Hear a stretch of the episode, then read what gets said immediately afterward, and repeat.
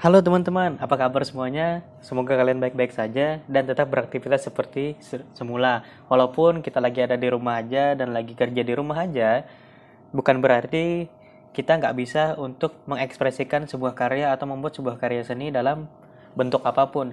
Salah satu yang saya buat kali ini bukan karya seni, bukanlah sebuah karya tapi saya hanya sekedar sharing bagaimana sih caranya menghadapi persaingan pasar di kala pandemi seperti ini Baik teman-teman, kita akan bahas dari sudut pandang fotografi ya, karena saya adalah seorang fotografer. Singkatnya dan karena itu saya akan membahas cara bagaimana bagaimana caranya menghadapi persaingan pasar dalam dunia fotografi. Baik teman-teman, yang perlu kalian perhatikan dalam persaingan pasar apalagi di kala pandemi seperti ini, mengerti harga atau value diri sendiri atau bahkan jika kalian punya vendor, kalian harus mengerti harga vendor kalian itu berada di titik mana. Jika kalian main di titik C, di titik B, ataupun di titik A, anggaplah titik C ini titik terendah, titik yang standar, yang di mana kalian masih bujangan dan kalian bebas menentukan harga sesuai dengan apa yang kalian mau.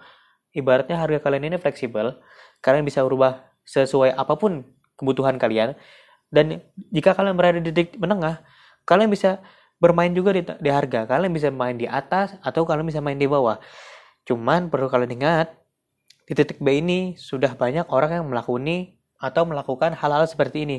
Mereka main di kondisi atau main di harga titik B ini. Mereka main di tengah-tengah karena mereka menganggap bahwasanya mereka belum mendapatkan atau uh, belum mempunyai kepercayaan diri bahwa mereka ada di atas atau bahkan emang mereka tujuannya berada di titik tengah karena apa? Karena mereka mengincar semua pasar, mulai dari kalangan anak-anak, orang de uh, remaja, orang dewasa maupun nenek-nenek sekalipun atau orang tua ataupun yang lansia lah kita sebutnya biar lebih sopan. Jadi teman-teman, kita harus mengerti value kita ini berada di mana. Apakah kalian kalian ini berada di titik atas, titik paling atas yang ibaratnya harga kalian itu orang mengenalnya kalau ibaratnya kalau bersama kalian itu atau foto dengan kalian itu harganya mahal. Karena mendapatkan seperti ini bla bla bla bla mendapatkan keuntungan seperti ini bla bla bla ya sesuai dengan paket kalian lah. Jika kalian berada di titik B kalian ya lakukan sesuai dengan apa yang apa yang anu apa sih namanya sesuai dengan paket kalian. Jadi kalian harus e, ibaratnya kalian harus tahu value kalian sendiri lah pokoknya. Titik poin ini kalian harus tahu value kalian sendiri. Dalam artian lagi sih kita mungkin akan menurunkan harga Mungkin sebagian orang akan berpikir seperti itu, menurunkan harga karena kita berada di dalam kondisi lagi pandemi seperti ini. Menurut saya, kalian tidak harus menurunkan harga. Dan kalaupun emang kalian harus menurunkan harga, maka paket yang kalian harus ada yang dikurangi. Misalkan kalian cetaknya ibaratnya harga normal itu 10 cetakan, 10 file cetak foto, jadi kalian kurangin mungkin kalian kurangin jadi 5 atau 2 jadi harganya bisa turun sesuai dengan harga cetak.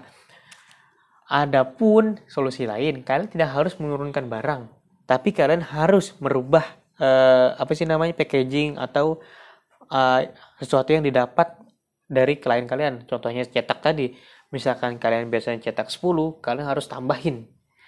Mungkin tidak dengan cetak tambahnya, bisa dengan cara lain, misalkan menambah file atau packaging kalian dirapiin dengan harga yang sama. Ya di kala pandemi seperti ini mungkin orang akan berpikir dengan harga segini loh kita bisa dapat packaging rapi kita bisa dapat file cetak yang lebih banyak. Ya ibarat seperti itu.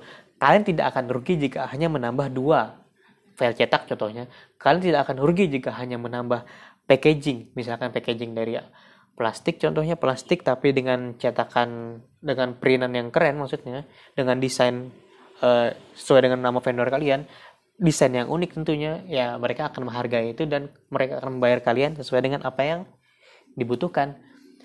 Uh, terus kalau kalian main di B gimana dong kalian di B sebenarnya caranya sama seperti yang di A tadi kalian bisa menambahkan packaging kalian dengan supaya supaya harga kalian bisa tetap di situ atau menurunkan harga kalian tapi packaging kalian dikurangin juga otomatis ya pendapatan memang agak berkurang dari sebelumnya tapi coba bayangkan gini kalian menurunkan harga kalian menurunkan packaging. Otomatis pekerjaan kalian akan dimudahkan lebih sedikit, lebih sedikit pekerjaan yang di, di mana biasanya kalian mengurus packaging yang lebih banyak, mengurus cetakan lebih banyak.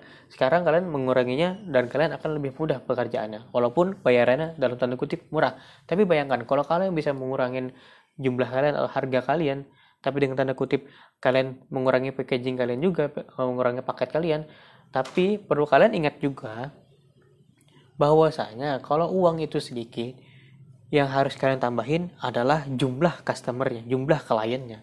Bagaimana dong cara menambah klien? Ya, cara menambah klien gini ada beberapa cara sih teman-teman. Yang paling mudah aja yang biasa saya lakukan, biasanya saya memanggil keluarga saya. Keluarga, keluarga adalah uh, apa sih namanya? iklan gratis yang bisa kita lakukan. Kita bisa memanggil keluarga untuk datang ke tempat kita untuk foto, dan kita memberikan sesuai dengan packaging yang apa yang akan kita berikan kepada calon klien kita selanjutnya. Mungkin keluarga ini kita bisa uh, pangkas biayanya, kita kasih diskon sebesar-besarnya, tidak apa-apa, tidak masalah. Karena ketika mereka upload ke Instagram, ke sosial media, kita uh, akan mendapatkan benefit iklan gratis secara cuma-cuma dari mulut ke mulut oleh uh, keluarga kalian ini. Misalkan mereka upload, terus men, uh, ibaratnya mention kalian, ngetek kalian, otomatis orang-orang akan penasaran ini foto dari siapa? Berapa harganya? Pasti mereka akan tanya dan keluarga kalian akan menjawab. Tapi dalam tanda kutip kalian harus mengingatkan lagi kepada keluarga kalian bahwasanya harga kita yang sebenarnya adalah segini. Karena kalian keluarga kita dapat dis kalian dapat diskon segini dan segini segini segini ibaratnya. Jadi kalian bisa memanage uh, keuangan kalian dengan benar. Jadi tanpa cara tidak langsung keluarga kalian atau teman-teman kalian lah paling tidak menjadi iklan gratis bagi kalian. Nah teman-teman mungkin ya pengeluaran kalian akan uh, bengkak di awal. Tapi perlu kalian ingat keluarga dan teman-teman adalah iklan gratis dari mulut ke mulut. Itu paling worth it. Yang menurut yang menurut saya itu paling worth it. Karena tidak ada yang dapat menggantikan iklan yang lain. Misalkan iklan lewat TV lewat uh, selebgram atau lewat artis atau endorse apa pun itu. Memang mereka semua dapat kita dapat kita pasti akan mendapatkan klien dari situ. Tapi percaya itu tidak dari mulut ke mulut itu pasti kita dapat mendapatkan klien karena akan memudahkan pekerjaan kita. Otomatis kita tidak perlu ngecek ke sana kemari, kita tidak perlu membalas chattingan, kita tidak perlu membalas komen. Yang mana kalau di misalnya kita iklan di endorse melalui Telegram atau dari FB atau IG ataupun platform media lain atau sosial media lain, ya kita harus membalas komen, kita harus ngechatin, kita harus membalas ini ini ini, kita harus menjelaskan semua yang kita akan jual tapi melalui keluarga atau melalui teman-teman kita dapat kemudahan itu dan kita lebih santai kerjanya, lebih fleksibel. Tapi dalam tanda kutip, kalian tetap harus melakukan iklan melalui sosmed. Jangan stop. Oke teman-teman, tetap lanjutkan, tetap berkarya dan tetap sukses selalu. Dan untuk yang kedua, kalian harus paham ini, kebutuhan pasar kalian ini apa? Di kala pandemi seperti ini, pasar itu gimana sih kebutuhannya? Nah, kalau dari saya pribadi, saya menganalisa pasar saya, pasar saya ini adalah orang-orang yang suka moto, suka difoto maksudnya, suka upload ke sosial media. Ya ibaratnya sosialita lah orang-orangnya. Orang-orang yang suka uh, selalu menstorikan atau membagikan cerita mereka melalui sosial media. Ya kebutuhan pasar saya begitu dan keadaan pandemi seperti ini mereka mau ke mana? Nah jadi biasanya bukan biasa sih dan saya sekarang melakukan uh, sebuah apa sih dobrakan baru untuk diri saya sendiri ya, untuk vendor saya, walaupun di luar sana sudah pasti ada orang yang melakukan hal seperti ini. Dan saya juga mendapat ide ini dari mereka juga. Jadi kita melaksanakan sebuah uh, apa sih namanya pergerakan baru, dobrakan baru. Kita door to door, foto door to door. Kita datang ke rumah orang, eh, ibaratnya kita misalkan Anda sebagai klien saya, saya memasarkan ini bahwasanya jika Anda ingin foto yang lebih maksimal, kalian mendapatkan foto seperti ini, ingin ingin foto seperti ini, tapi kendala lagi COVID dan tidak bisa keluar rumah, kalian bisa menggunakan jasa kami. Kami datang ke rumah Anda, membuat studio dadakan di tempat Anda, dan mendapatkan hasil yang lebih bagus tentunya. Jika kalian berminat, silahkan hubungi saya. Nah, untuk harga, kalian bisa ngobrol dengan saya, kita bisa bicarakan, dan bla bla bla. Atau kalian sudah punya paket sendiri, kalian bisa ajukan langsung kepada mereka. Jadi teman-teman, jika kalian ingin mencoba hal seperti ini, door to door ini, foto door to door ini, foto yang datang ke rumah orang satu persatu, ini akan sedikit merepotkan kalian. Tapi percaya atau tidak, uangnya di sini lumayan banyak teman-teman. Dan ya, perlu kalian ingat, paham kebutuhan pasar ini sangat penting teman-teman. Pasar kalian kebutuhannya apa? Jangan mentang-mentang saya melakukan hal seperti ini, terus kalian kira akan langsung sukses saat kalian lakukan di tempat kalian. Tentu tidak teman-teman. Setiap kota, setiap daerah itu berbeda-beda orangnya. Penduduknya berbeda, setiap sifatnya berbeda, tidak kebutuhan mereka juga beda-beda. Ada yang hanya butuh hanya foto keluarga, ada yang hanya butuh untuk sosmed, seperti kebutuhan pasar saya. Mereka butuh untuk upload, mereka untuk aktif di Instagram misalnya, untuk Facebook, untuk bergaya, untuk sosialita, ya pokoknya untuk hal-hal seperti itulah. Bisa kita bilang untuk pamer juga. Nah, kita harus paham kebutuhan pasar ini.